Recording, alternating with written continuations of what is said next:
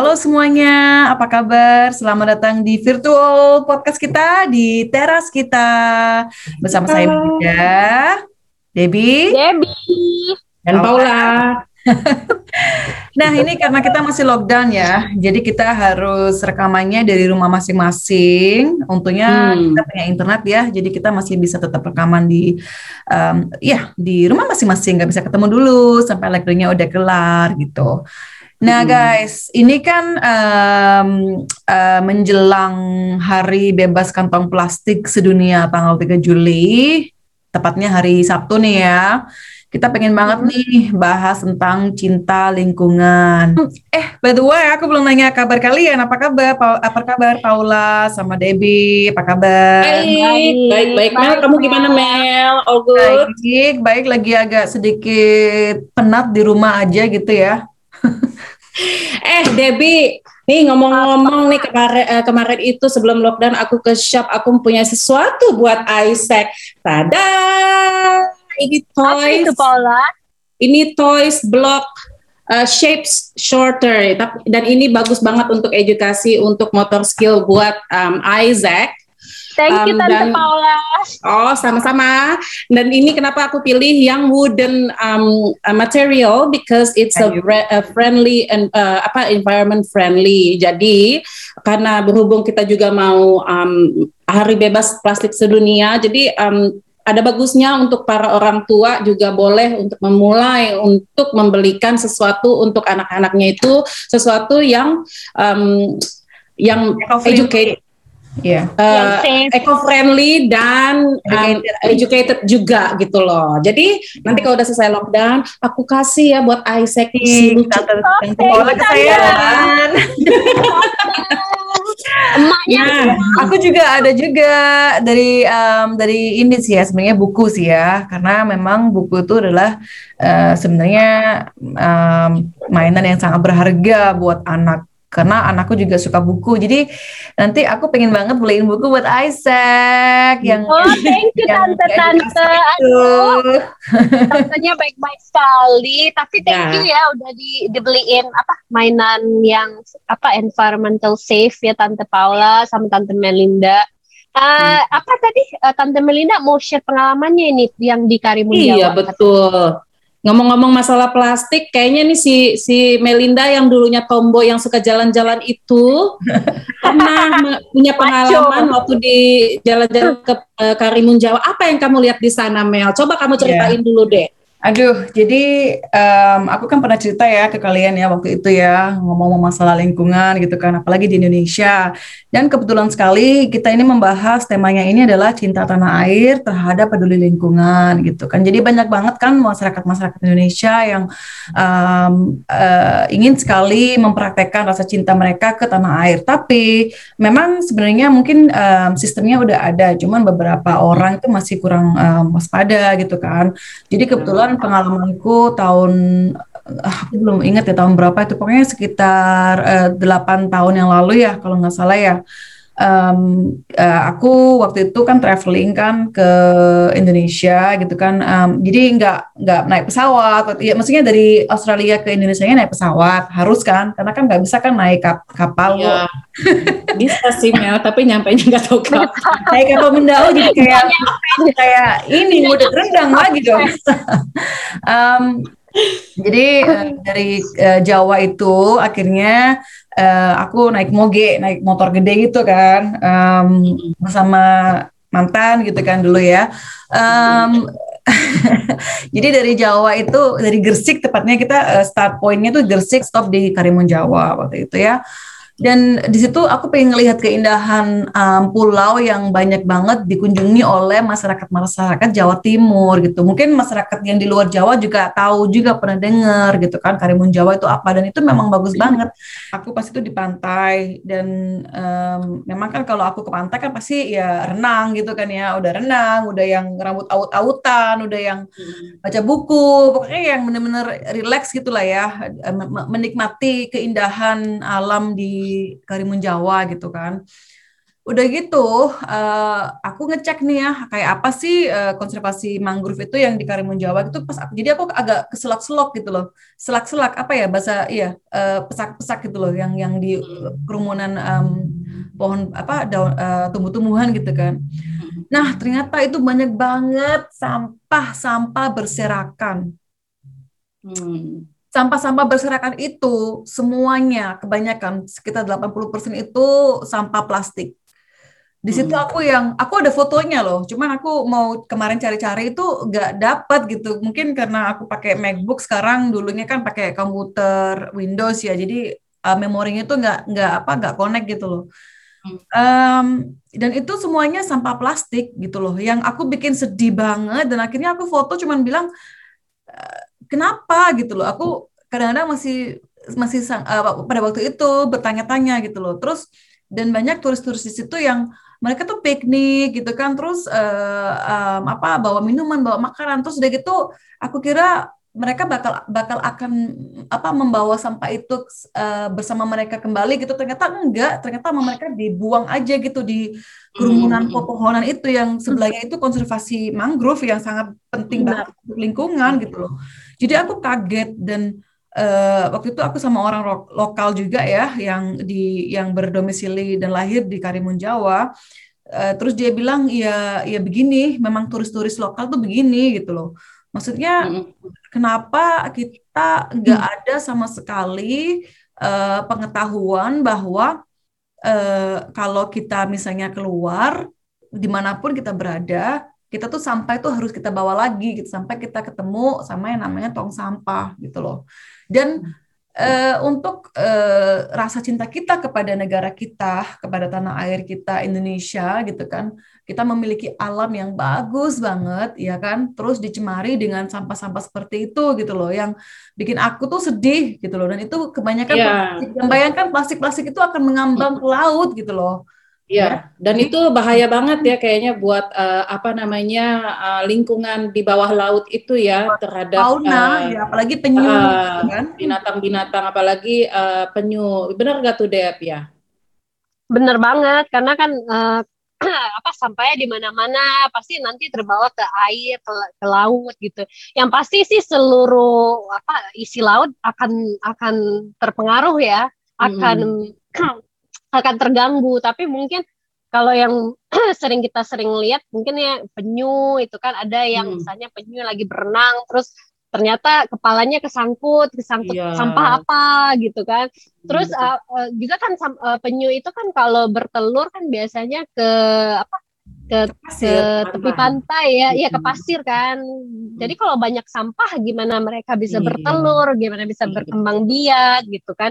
Cuma kan sampah ini memang isu yang paling paling ya nggak habis-habis ya sama lah ke sampah nggak habis-habis isunya juga nggak habis-habis karena ya kesadaran uh, orang-orang masih belum belum banyak tentang sampah mm -hmm. itu sendiri. Mm -hmm. Mm -hmm. Ngomong-ngomong soal lingkungan, aku ada um, kita akan kedatangan seorang pemateri atau narasumber yang sangat, wow. sangat pecinta lingkungan. Dia ini Yay. lingkungan um, dan juga prajurit uh, laut ya um, pasti pernah dengar kan sekali lagi aku bilang um, dan dia juga uh, mantan putri Indonesia dia uh, model pernah memintangi beberapa film dan aku suka banget sama dia karena di dalam uh, di kepopularitasnya dia itu dia itu masih humble masih yang seorang yang masih uh, sangat uh, merendah ya Oke, okay, hmm. kita panggil Nadine Rawinata. Kabar baik, uh, Nadine? Baik, baik, aman yeah. semuanya. Baik semuanya hmm. ya, bertiga. Yeah. Kita Angels, Angels. Iya. kebetulan lagi, uh, kebetulan kita lagi lockdown ya di sini. Jadi hmm. makanya kita um, satu screen satu orang. Biasanya kita satu screen bagi tiga. iya, kemarin aku Iya. lihat juga biasanya satu ber- eh, apa bertiga langsung Iya. punya setnya emang podcast gitu ya. Iya. iya. Jadi rencananya itu kan hari ini kita ingin sekali rekaman outdoor dan begini di sini kita mau memperkenalkan uh, pemandangan di Australia bagian barat gitu loh tadinya ya. Mhm, Tapi mhm. ternyata Mhm. karena lockdown, jadi ya kita terpaksa rekaman di rumah masing-masing. Iya. Pemandangannya ini ya sama Iya. Pohon sama ya. benar, benar, benar. Iya, Iya. iya. Aduh, Oke. semoga Nadine dan seluruh uh, semua keluarga di Indonesia baik-baik dan selalu aman ya di pandemi 2021 ini. Amin. Hmm. Oke, eh, sebelumnya kita mau berterima kasih buat Nadine untuk meluangkan waktunya di podcast kita sebagai pemateri dan narasumber di podcast kita yang kecil-kecilan ini. Selamat ya.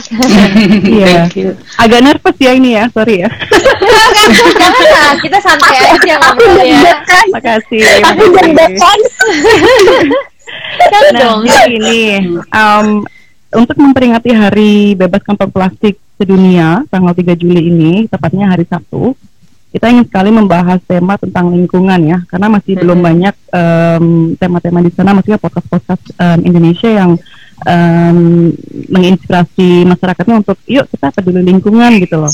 Hmm. Um, dan sebenarnya cara kita sebagai um, warga negara uh, untuk mem- mem- mempraktekkan uh, kita kepada lingkungan itu nggak nggak harus langsung besar gitu kita bisa mulai dari hal-hal yang kecil gitu kan dan sebagai um, dan di tema ini kita mau kasih nama cinta tanah air peduli lingkungan gitu jadi sebagai warga negara yang um, berbudi luhur um, dan rasa cinta itu uh, dari hati sanubari kita untuk negara kita uh, untuk melindungi, untuk memelihara, untuk menyelamatkan um, negara kita dari gangguan dan ancaman. Dan gangguan ancaman itu di lingkungan ini Hmm. termasuk pencemaran udara, pencemaran laut, dan pencemaran um, uh, tanah, ya kan? Um, nah, eh, karena kita lingkungan, eh, kita mau menginspirasi pendengar untuk em, kita bisa mulai dari kehidupan sehari-hari. Oke, Paula, pertanyaan yang pertama. Oh. Bisa langsung saja. Bagi bagi tugas. Iya, soalnya inget banget dulu tuh Nadine jadi eh, Miss Universe aku nonton di TV. Jadi kok tiba-tiba sekarang setelah sekian tahun kemudian ngobrol sama Iya. Nadine tuh kayaknya gimana gitu. Ih, ini impian perjalanan. Iya. impian kecil apa terwujud nih karena dia tahu nggak? Berarti dari umur 20-an jangan bilang bilang umur ya ini dari umur 20-an itu udah ngefans sebut jangan Iya kan? sebut. Jangan sebut umur. Um, uh, Oke, supaya nggak nyita waktu terlalu lama, ini pertanyaan pertama nih untuk uh, Nadine. Gimana sih cara uh, kita mempraktekkan kontribusi rasa peduli uh, akan lingkungan di kehidupan sehari-hari dari mulai uh, hal yang kecil seperti di rumah sendiri atau pas kita lagi di luar gitu loh, pas lagi jalan-jalan atau pas lagi ke toko atau pas lagi ke mana-mana gitu. Um, men- uh, menurut Nadine, gimana caranya kita bisa mempraktekkan itu? Yang pasti kalau untuk mempraktekkan di kehidupan sehari-hari, eh, yang pertama adalah kesadaran diri sendiri sih. Jadi Mhm. tidak ada orang yang mau dipak dipaksa, disuruh-suruh. Even orang tua kita terkadang kita suka berantem kan, berdebat kalau Mhm. tidak sepaham atau tidak masuk akal buat si anak itu atau si ibu.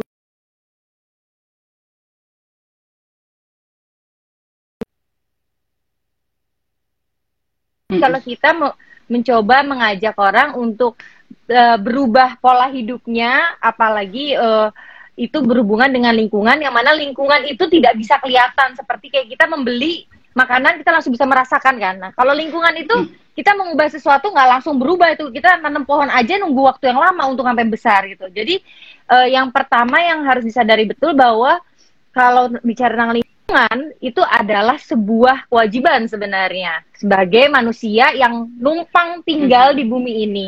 Jadi itu bukan pilihan bo, har, bo- pilihan untuk "Ah, aku nggak mau peduli deh sama lingkungan, sama aku mau peduli deh sama lingkungan. Itu sebenarnya bukan pilihan. Jadi sebagai manusia wajib menjaga lingkungannya. Nah, gimana caranya? Ya, Hmm. artinya kita harus menyadari betul bahwa lingkungan itu bagian dari hidup kita. Lingkungan sehat, kita hidup sehat. Lingkungan bersih, kita hidup bersih gitu. Jadi sebenarnya lingkungan mah nggak butuh kita, kita yang butuh lingkungan. Jadi yang Iya. bisa dilakukan hal sederhana adalah dari rumah.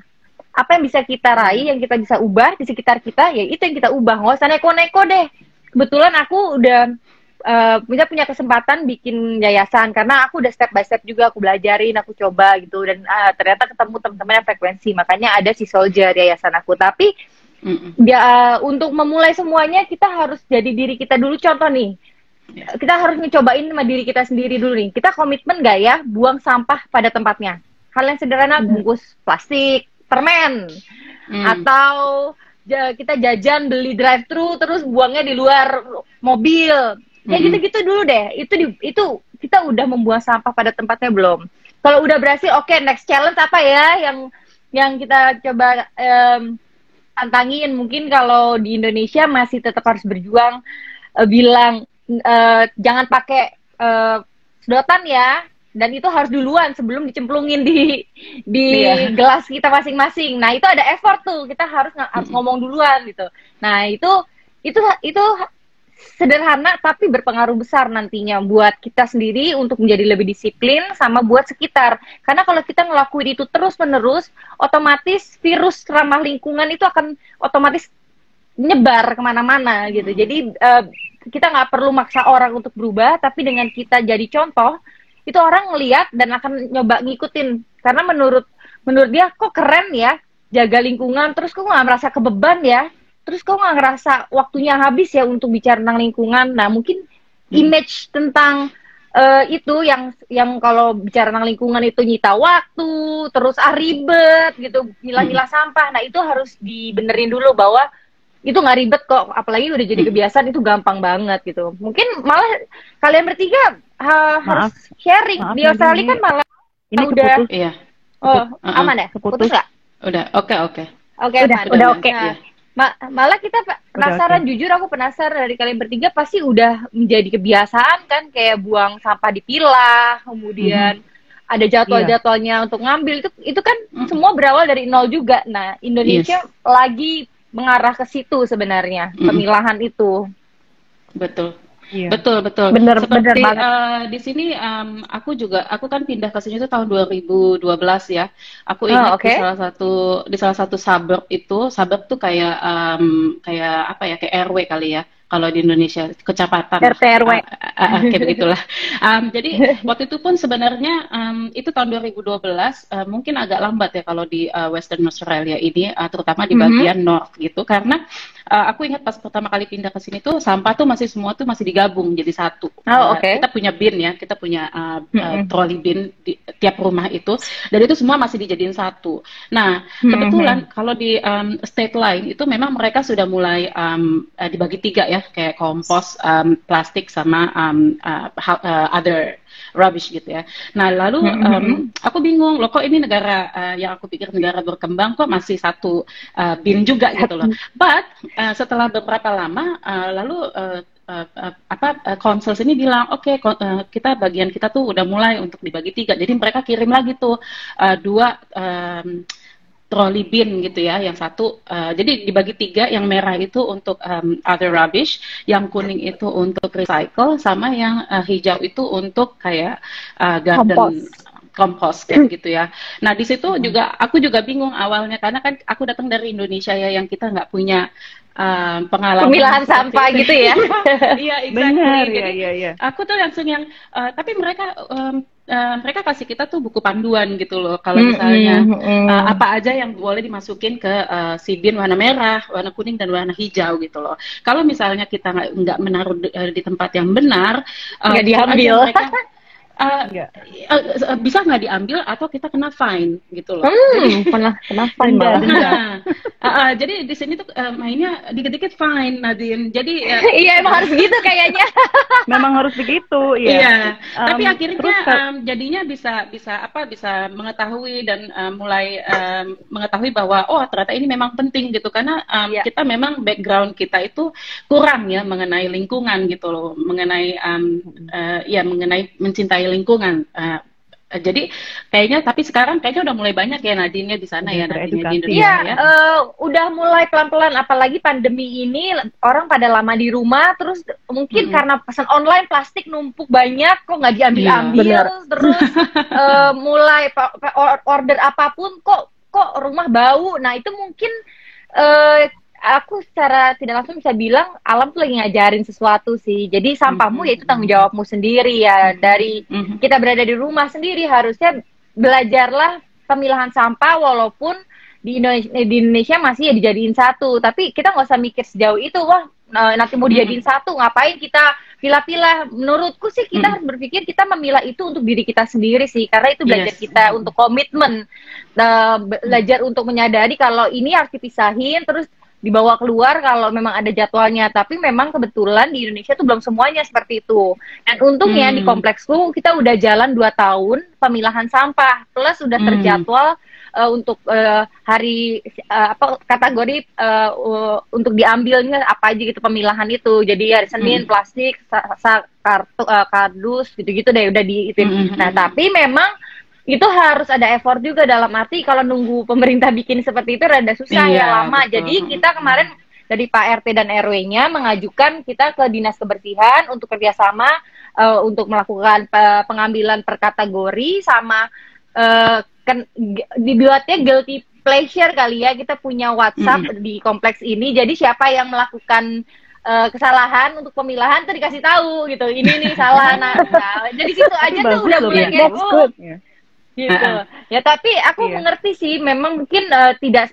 di luar sana nggak seperti kompleksku gitu tapi Hmm. memang harus sedikit kejar bola ya makanya aku berharap Yes. banget Mm. em, Indonesia bisa maksudnya pemerintah nanti someday eh, bikin ketegasan tiap rumah harus melakukan pemilahan sampah karena Mhm. kalau berharap TPA doang kayaknya susah ya gitu Iya, itu betul. udah menggunung gitu itu nggak akan Mm, bisa mm, mm. berhenti gitu dan dan uh, kita lebih konsumtif sekarang dan dan semua melakukan inovasi baru yang itu mempermudah hidup kita tapi tanpa disadari kita juga menumpuk banyak sampah nah itu Iya. makanya aku pengen banget pemerintah bikin tiap rumah harus melakukan pemilahan sampah that's it Mhm. itu udah cukup terbantu Heeh. Iya. Iya. benar Oh, that's Wow. Kalau mau Good aku info. tambahin That's right. em, sekarang di pemerintah di Australia bagian barat, karena di Australia ini kan em, peraturan-peraturannya berbeda-beda ya dari setiap em, wilayah gitu, wilayah Australia bagian timur Mm-mm. atau yang em, utara gitu. Yang di bagian barat ini eh, kita baru mulai dengan k- eh, sampah kompos. Jadi pemerintah menyediakan ada sebuah ember kecil itu namanya Fogo. Jadi kita itu eh, misalnya kita ngupas sayuran nih ya, kan dulunya sebelum ada Fogo itu kita aku taruh di, di ember, di ember kecil gitu. Nanti setelah itu aku taruh di aku tanam sendiri di di, di tanah di garden gitu supaya bisa Iya, em, iya. membaur gitu kan eh, sendiri sebagai kompos. Nah, eh, sekarang udah ada sistem namanya Fogo. Jadi mereka udah kasih udah per eh, per rumah ya satu ember kecil yang em, apa namanya ada em, instruksinya apa Ada aja yang bisa plastiknya. dimasukkan. Bener banget, apa aja yang bisa dimasukkan dan itu sebenarnya popok gratis gitu loh. Kita nggak harus keluar beli uh, popok atau you know um, fertilizer buat yang suka gardening. Kayaknya ini semua dimulai dari masa pandemi dari tahun kemarin. Iya sih. Iya. Emang bener aku Iya. juga eh, dari pandemi ini aku udah ngompos sendiri karena kebetulan Mm. memang ya udah mainannya tanaman aja dan aku ke- Mm. awal-awal beli tuh ekoenzimnya terus eh, pu- pokoknya pupuk-pupuknya. Tapi aku mikir aku tiap hari minum jus.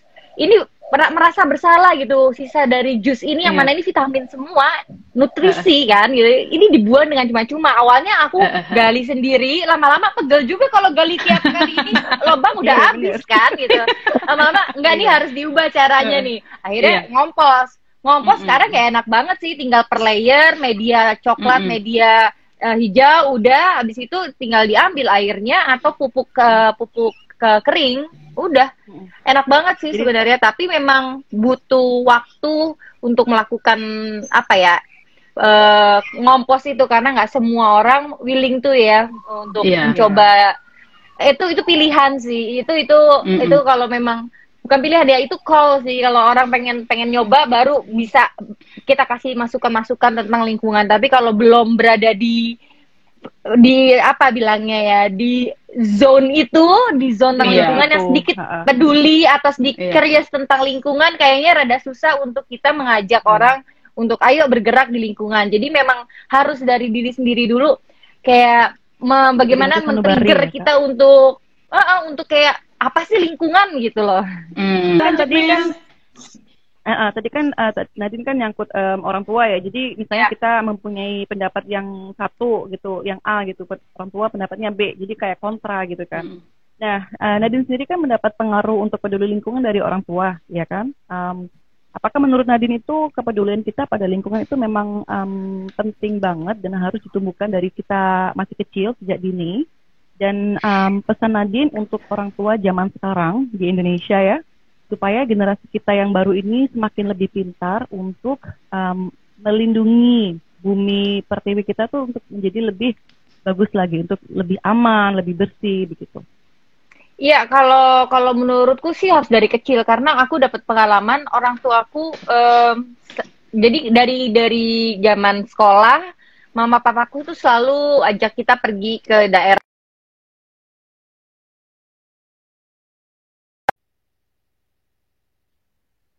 ke Jember itu naik mobil, kita nggak naik Maaf pesawat. Nadine, maaf tadi putus-putus nggak kedengeran aku. Jadi em, sejak kecil mama papa Nadine ngajak ke tadi.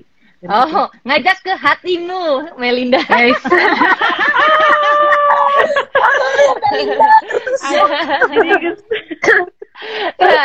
ya jadi mama papaku tuh ngajak ke ke kampung halaman, masuk kampung halaman ke rumah ma- papaku dulu di Jember gitu di Jawa Timur. Nah kita kalau ke Jawa Timur itu kita nggak naik pesawat gitu. Selain dulu memang biayanya tinggi, papa mama juga mau mengajarkan eh, banyak yang bisa dilihat selama road trip gitu. Jadi memang kita bisa dibilang big fans sama road trip lah keluargaku ini gitu.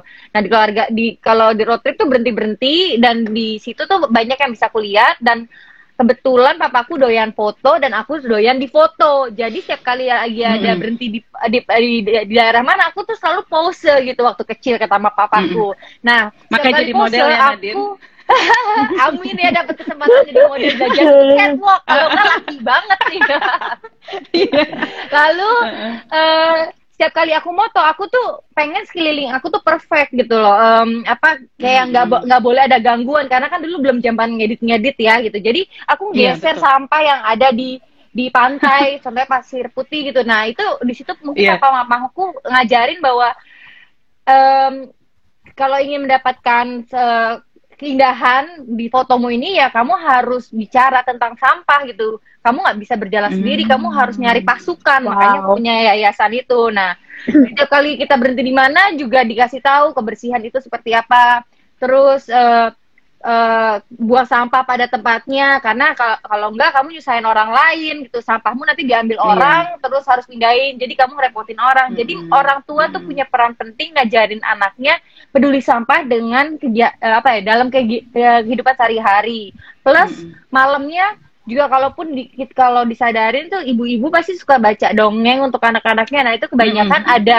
ada makna eh, yang baik gitu yang yang bisa disampaikan di kepada anak-anaknya moral positif ya. Itu juga pasti Iya. ada ling- tentang lingkungan itu.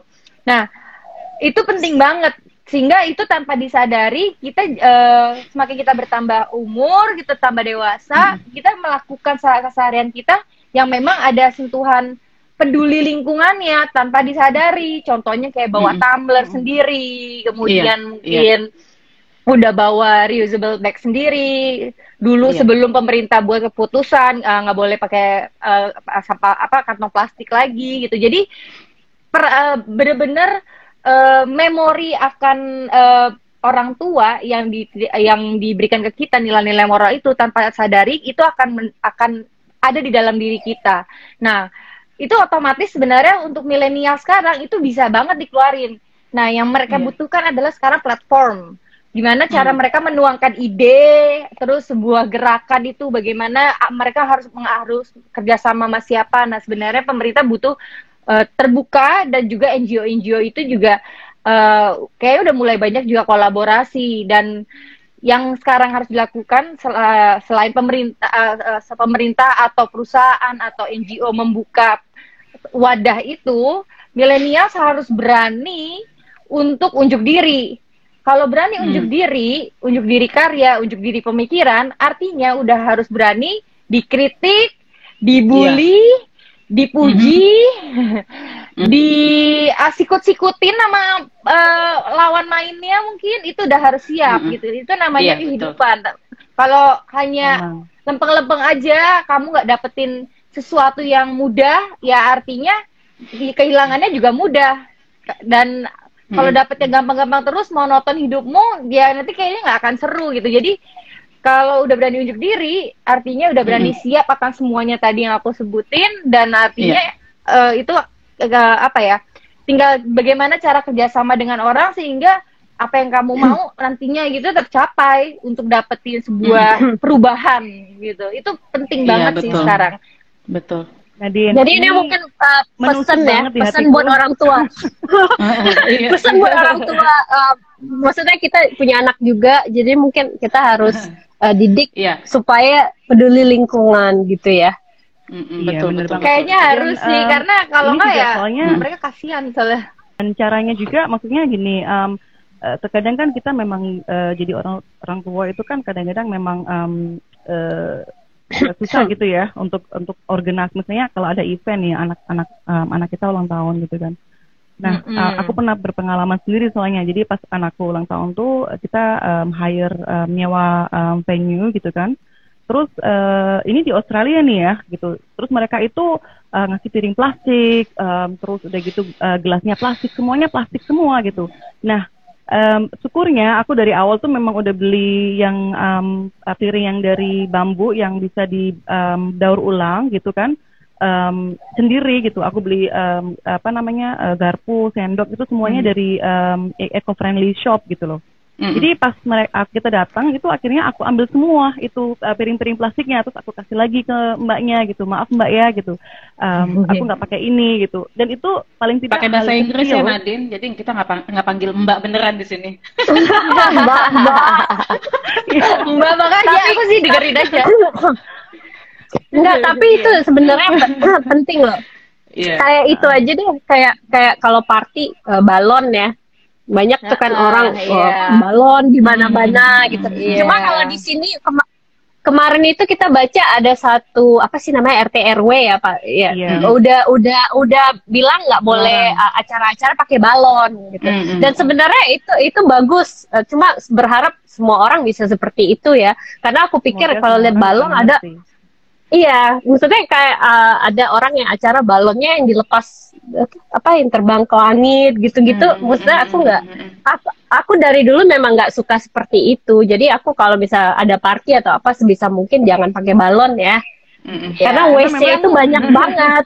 WC Iya, banyak memang iya. Maksudnya punya anak itu Iya. memang limbahnya banyak kan dari popok. Banyak. wah, Iya. limbahnya itu banyak banget itu. Iya, iya, Setidaknya benar. kita sebagai orang tua yang peduli lingkungan untuk ini sebenarnya untuk masa depan kita, untuk masa depan anak-anak, cucu-cucu kita semua gitu loh. Kita tuh wajib untuk hal yang paling kecil aja yaitu dengan paling tidak kalau misalnya kita keluar piknik apa bawalah eh, piring sendiri ntar di cuci sendiri di rumah atau paling enggak em, memang lebih mahal ya harga piring dari kertas atau dari bambu itu gitu loh. Iya. Cuman ya gimana ya maksudnya eh, apa yang kita lakukan untuk kebaikan itu biasanya harus kita korbankan sedikit ya. Tapi itu untuk kebaikan masa depan kita gitu loh. Iya, iya oke. benar banget. Ini- Iya, emang sih dilema ya kalau tentang si balon lagi karena anak Iya. kecil kan doyan balon juga ya bingung. Iya, ya. betul betul. Iya. banget banget.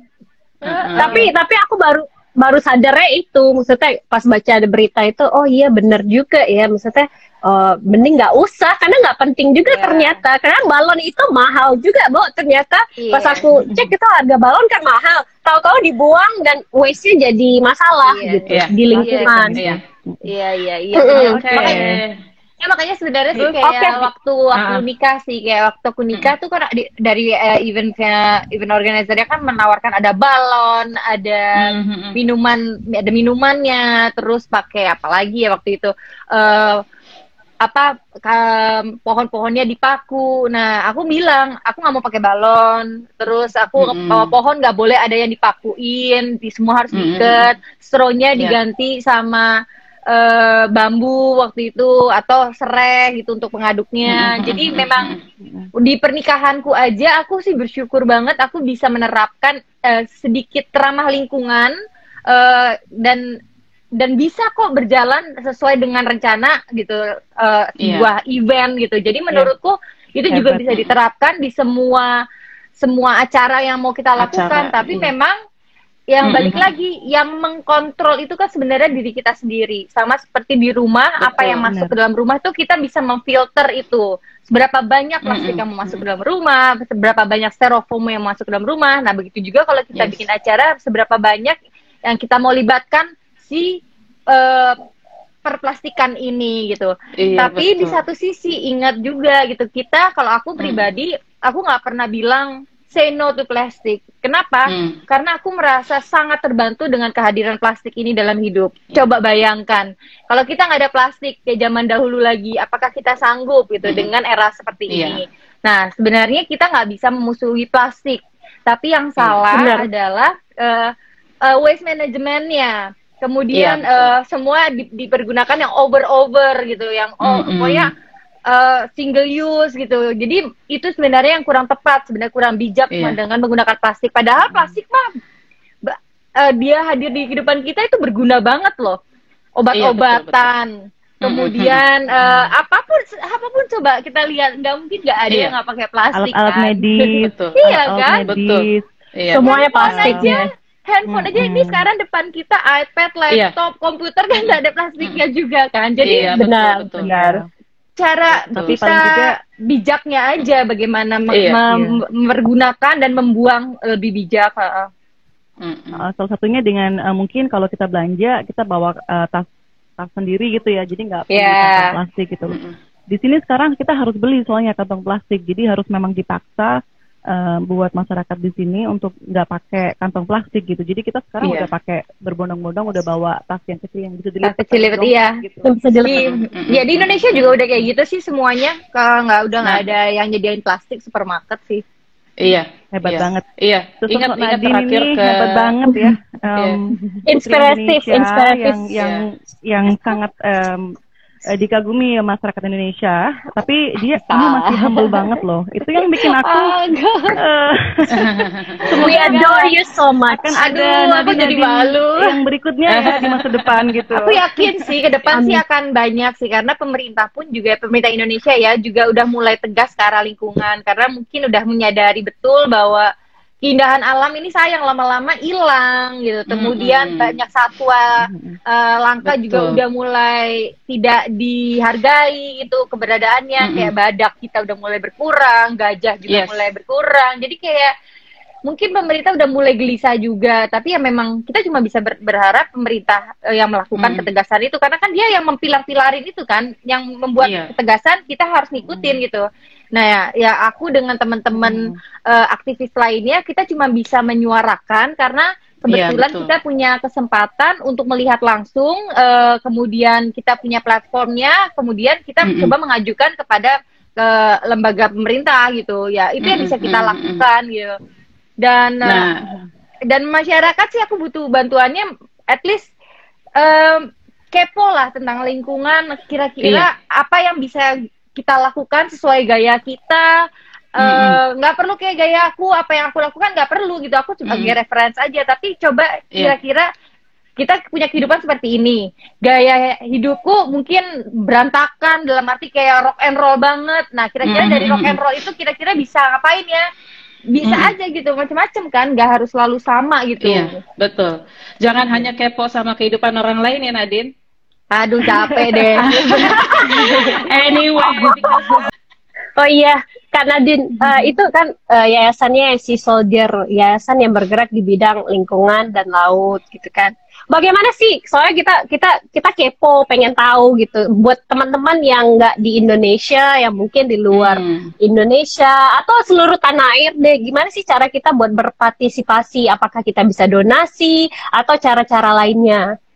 Mm-mm. Ya donasi bisa, eh, bisa ada kita udah punya account sendiri. Nah kita juga ada beberapa yang bukan di Indonesia gitu, yang emang ada yang orang Indonesia, eh, orang Indonesia pindah ke luar negeri itu ada juga beberapa. Malah di luar juga orang orang orang luar aku juga bingung sih. eh, mereka tahu dari mana? Mungkin karena si Soldier berapa kali pernah kerjasama sama NGO luar kali ya. Jadinya mungkin Iya. mer- ada yang beberapa yang tahu gitu. Nah kalau ingin Mm-mm. terlibat, sebenarnya kita tuh butuh eh, butuh eh, apa ya? eh, uh, spread the good message-nya sih sebenarnya. Apa yang kalian lakukan di rumah, uh, tinggal hmm. di-upload aja. Kebetulan, ya kalau memang kalian hmm. suka pakai sosial media, ya at least gunakan sosial media secara bijak gitu dengan yang bisa menginspirasi banyak orang gitu. Nah, hmm. si soldier itu sangat butuh hmm. banget uh, orang-orang yang apa pun yang, yang kalian lakukan tentang lingkungan, ya tinggal di tag di si soldier atau di hashtag si soldier gitu. Nah itu bisa biar bisa pada ketahuan tuh pada ngapain itu bisa jadi inspirasi hmm. bagi ya, orang lain yang lihat mungkin nggak nggak kepikiran kalau oh ini bisa dilakukan ya gitu ya mungkin bisa gitu kayak contohnya uh, mungkin kayak gini nih kayak aku bikin kalung ini sendiri nih Mm. Ini dari manik-manik dari gelang-gelang aku zaman dulu gitu. Nah, ini kan upcycle oh. kan. Ini kan udah bisa dibilang wow. Recycle, juga untuk yeah, lingkungan yeah, ya. Jadi dengan kita yeah, bikin betul. seperti ini aja, ini udah at least ada ada berhubungan dengan lingkungan. Nah, ini tinggal di hashtag aja hashtag uh, yeah. si soldier hashtag DIY oh. gitu. Uh, jadi menurutku uh, kita mencoba uh, ya apa ya uh, kejar bola terus uh, kejar bola kepada teman-teman NGO lainnya. Mungkin bukan hanya untuk si soldier aja, tapi untuk kalau ada yang ngefans sama NGO lain ya coba di tag di situ, terus uh, captionnya juga yang bisa uh, mengajak orang lebih banyak tentang lingkungan gitu bahwa hmm, untuk peduli hmm. lingkungan itu bukan satu hal yang ribet kok gitu itu bisa dilakukan di iya, mana aja di depan mata kita sendiri aja itu bisa gitu jadi uh, kalau untuk si soldier siapa pun bisa jadi si soldier yang kita butuhkan adalah uh, berbagi self actionnya hmm. apa berbagilah dengan dengan kita yang yang ada di dunia maya ini gitu itu iya. aja sebenarnya mm -mm. Keren. Tapi apakah uh, apakah si soldier ini uh, bekerja sama dengan uh, misalnya uh, apa yayasan lokal juga mungkin yang ada di di, di Pada atau di Jawa-Jawa lainnya, Jawa Timur atau mungkin di Medan. di Gresik. Uh, Nadine di Gresik, soalnya aku dari Gresik. Di Gresik. oh iya ya. Gresik ada. Eh Gresik tapi nggak ada si soldier. Jadi kebetulan si soldier itu udah punya punya 15 si soldier regional. Jadi per regional tuh udah wow. ada si soldiernya. Nah kalau hmm. Gresik ada di Padang ada, Padang nggak ada, nggak ada Padang. Oh, Padang berarti ada. harus bikin nih. Berarti harus, iya, berarti nanti harus aku bikin di Gresik. Tambah sih. Kalau Jawa Timur sih, Jawa Timur ada uh, di Surabaya ada gitu. Yeah. Nah, yeah. jadi untuk uh, untuk yeah. jadi si soldier regional dari regional itu sendiri yang mengajukan ke si soldier pusat kita mau dong bikin si soldier si soldier regional karena percuma kalau hmm. aku atau partnerku namanya Dini kita tunjuk hmm. orang tapi dia merasa terbeban yeah. ya nggak akan yeah. jalan gitu karena ini juga sebuah gerakan gitu bentar uh, yang terakhir yang pengen banget aku tanyain jadi waktu itu aku pernah uh, ke suatu tempat uh, kita tuh mau uh, snorkeling sama whale shark Terus waktu itu kita bisa dikasih tahu, oh nggak boleh pakai sunscreen. Hmm. Jadi aku aja kaget karena aku biasanya snorkeling pakai pakai sunscreen, tapi aku nggak tahu tentang uh, uh, kalau ternyata sunscreen itu berbahaya untuk marine life. Jadi menurut Kanadin itu apa sih kenapa sih bahaya? Jadi bisa dikasih tahu ke teman-teman yang lain juga supaya berhati-hati. Mm -hmm. Ya jadi kan kalau sunscreen yang yang kebanyakan sunscreen itu kan mengandung ada parabennya, ada mengandung oksibenzonnya itu kan itu yang yang rada berbahaya kan untuk terumbu karang plus kulit kita juga hmm. sebenarnya kurang baik kan. Nah, itu yang okay. yang gimana ya? Ibaratnya uh, kalau kita masukin kimia ke dalam air ya air itu akan terkontaminasi kan. Sama seperti yeah, udara tiba-tiba ada ada ada wangi-wangian itu kita langsung yeah. bau apa nih? Kita nggak bisa yeah, napas iya. lama-lama. Yeah. Nah, sama yeah. seperti di laut di laut juga kalau hmm. ke ketuang uh, zat kimia atau oil ya eh, at the end ya binatang itu nggak bisa bernafas gitu di dalam laut hmm. dan oh, terumbu wow. karang pun juga mati bagi terumbu yeah. karang ini kan bisa dibilang rumahnya ikan ya tempat si yeah, koloni koloni ini um, berkembang biak berfotosintesis dah nah hmm. si di air air itu itu kan juga banyak plankton atau bisa bilang hmm. fitoplankton lah itu benar-benar kecil banget gitu. Nah yeah. itu yang hmm. yang tidak terlihat tapi sebenarnya di air-air itu tuh banyak banget binatang. Yeah, nah kalau hmm. kena zat kimia yeah. itu mati semua. Nah kalau hmm. si plankton ini mati semua, nah khususnya untuk si whale shark makan apa? Whale shark kan makan plankton. Iya benar benar. Iya kan? Oh iya benar. Oh Jadi wow, ya, ya. benar. Mm -mm Jadi benar-benar uh, itu yang aku bilang ya, kalau kita bicara tentang lingkungan itu sama seperti kita percaya sama Tuhan gitu loh. Kayak Tuhan nggak bisa dilihat, tapi dia nunjukin keindahan yang ada di sekitar kita. Iya. Sama tentang Benar, lingkungan gitu. Kalau kita ngejaga lingkungan serta isinya, otomatis uh, kita pun akan dijaga. Ya sangat sangat simpel banget sih hukum alam. Mm, mm, mm. Kita Iya. jaga uh, kita jaga alam, alam akan jaga kita di mana pun kita Mm-mm. berada. Jadi um, kalau ada yang bisa diubah, diubahlah menjadi yang lebih baik. Nah, kalau untuk si kasus si Mm-mm. sunscreen, coba cari yang eh, bahannya yang mineral non non nano gitu. Jadi yang ada makro makro ada yang ada yang kayak scrub scrubnya itu, nah coba Iya, iya. Oh, oke. gitu. Mm-mm. Nah, Mm-mm. coba cari bahan-bahan yang mineral yang dari air itu, Mm-mm. itu lebih lebih ramah lah untuk kulit kita sendiri sama untuk eh, eh, si terumbu karangnya gitu. Dan kalau bisa juga ke sunscreen dipakainya juga 15 sampai 30 menit sebelum masuk ke air. Sebelum, Jadi per- iya. iya, percuma kan biasanya kan orang pakai langsung Iya, iya, ke iya, air iya. kayaknya. Iya, betul. Enggak, itu Hilang. Iya. Hilang. Aduh, keren. thank you banget. Teredukasi ya. Semoga semuanya um, lebih teredukasi ya di podcast kita nih ya. Um, Mm-mm. Nah, uh, ini kan tadi uh, kemarin tuh kan aku lihat wawancara Nadine sama Ramon Tungka ya. Aku Oh, nonton ya? Sumpah keren banget. keren banget.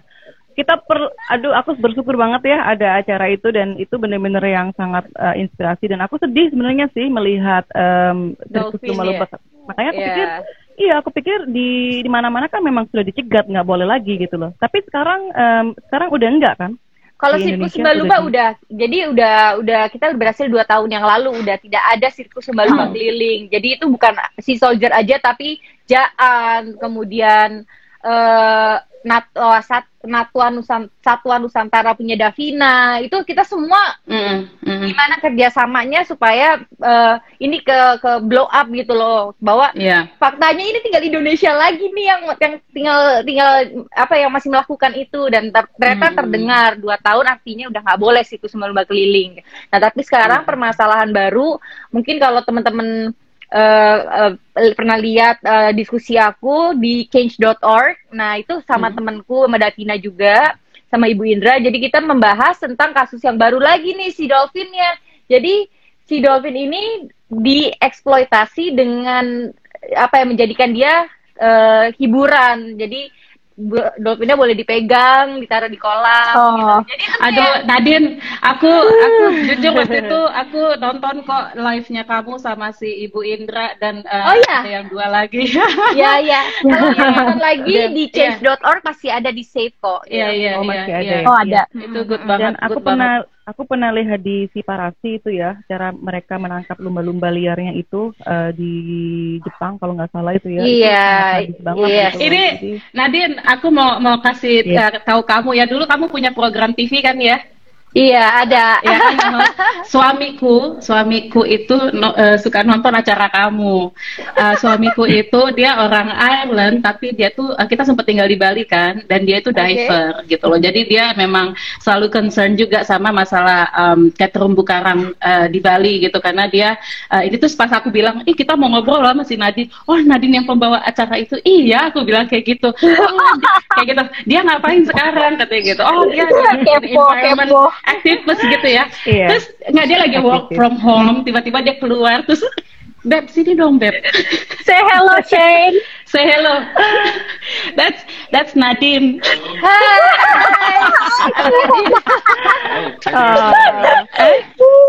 Ten years. Ten years since, since the program, is it? Yeah. Is it Iya. ten years, yeah? And Nadine, is it ten years after, after the program, was it? Eh, I think al- almost t- 10 years atau 15 lah, 15 years ago lah. I don't know. Yeah, 15, 15 Yeah, years. 15, Wow. yeah, maybe ya, iya, iya. Yeah, yeah. It's been a long time. Iya. suka nonton acara kamu Nadine karena memang eh, memang about environment. Palu. Anyway, oke, bye. Oke, udah gitu aja. Oke, Nadine, terima kasih banyak ya waktunya ya. Thank you so much. Sama-sama. Ternyata Thank cuma you. 15 menit, ternyata ini 40 menit. Aduh, makasih banyak. Ya, nggak apa-apa. Seru. Seru sama wanita-wanita hebat. Oh, semoga saja kita iya ya. em, eh, ini sangat menginspirasi dan em, kita jadi sama-sama belajar juga nih ya. Um, semoga pendengar uh, podcast kita podcast juga um, terinspirasi dengan semua pesan-pesan dari Nadine Chandra Minata. Um, pokoknya tetap berkarya, tetap berjuang. Um, kita akan support ya dari Yes. dari jauh walaupun itu Dari jauh. Mm. um, Wah, nanti aku gangguin kalau ada isu apa. Bantuin dong, angkat di sini iya, iya, boleh, boleh. yes. Pasti. Boleh banget. kalau mau ke Perth, kita jadi supir nggak apa-apa deh. Oke. Noted ya, pertama kali aku incer kalian ya. Iya benar. Kita. Bener banget. Nadi terima kasih ya. Semoga kasih um, semuanya ini bermanfaat Sukses. dan uh, uh, sukses selalu. Jaga kesehatan. Um, iya, terima kasih banyak. Sampai jumpa. Thank you. Bye bye. Bye, Nadine. Thank you, Kak Nadine. Debbie, bye. Bye bye. Oke guys, terima kasih ya Nadine untuk waktunya ya. Ya ampun, um, baik hati banget dan sangat menginspirasi. Semoga teman-teman semuanya para pendengar podcast Trust kita um, terin- terinspirasi dan belajar pengetahuan tentang gimana sih cara kita peduli lingkungan gitu ya. Kayaknya Hmm. memang um, ini harus diterapkan ya dalam kehidupan sehari-hari dan sebenarnya untuk menerapkannya itu nggak um, nggak susah gitu loh ya, gampang banget gitu sehari dalam dalam hal kecil aja gitu loh. Oke guys, kayaknya terima kasih banget ya udah jadi um, pendengar kita terus kita podcast yang setia. Thank you. Um, dan Thank you ya. kita doakan semoga kita lockdownnya, semoga semua pandemi ini uh, berakhir segera dan kita bisa beraktivitas secara normal lagi minggu depannya dan bisa rekaman lagi. Um, Iya, ada pesan-pesan kalian? Ah, cuma satu aja sih, eh, dikit aja. Em, apa namanya? eh, semua harus dimulai dari diri sendiri. Start from yourself, nggak usah nunggu-nunggu. Eh, coba aja kita eh, lakukan dulu sendiri, maka orang akan melihat dan ketika itu baik dan orang juga akan melakukan hal yang sama, gitu aja. Kalau Debbie? Kalau aku eh, kepada para orang tua, coba mulai diajarkan ke anaknya. Jadi kalau Hmm. kita ajarkan ke anak, pasti itu akan terbawa sampai mereka dewasa. Seperti kata Yes. Nadine tadi ya, karena Hmm. orang tuanya menginspirasi mereka, menginspirasi Nadine sendiri. Hmm. Jadi mungkin para orang tua harus mulai begitu juga. Dan mungkin kita kita kan semua orang tua ya. Hmm. Kita punya Ya. anak ya, kita akan mulai dari anak kita sendiri aja, jangan anak orang lain. Bener banget. Iya, kalau buat aku sendiri sebagai penduduk bumi yang baik dan um, bijaksana, kita harus memulai untuk cinta dan peduli dengan lingkungan kita. Karena kalau bukan kita yang memulai, siapa lagi? Iya kan? Karena masa depan kita masih panjang. Ini semua untuk generasi-generasi kita yang akan datang dan um, juga untuk kesehatan dan juga uh, untuk kesetaraan kita semua yang ada di bumi Hmm. ini. Oke, Yeay, keren. Thank you ya. Makasih. you, Bye-bye. Thank you. Bye. Stay safe. Bye.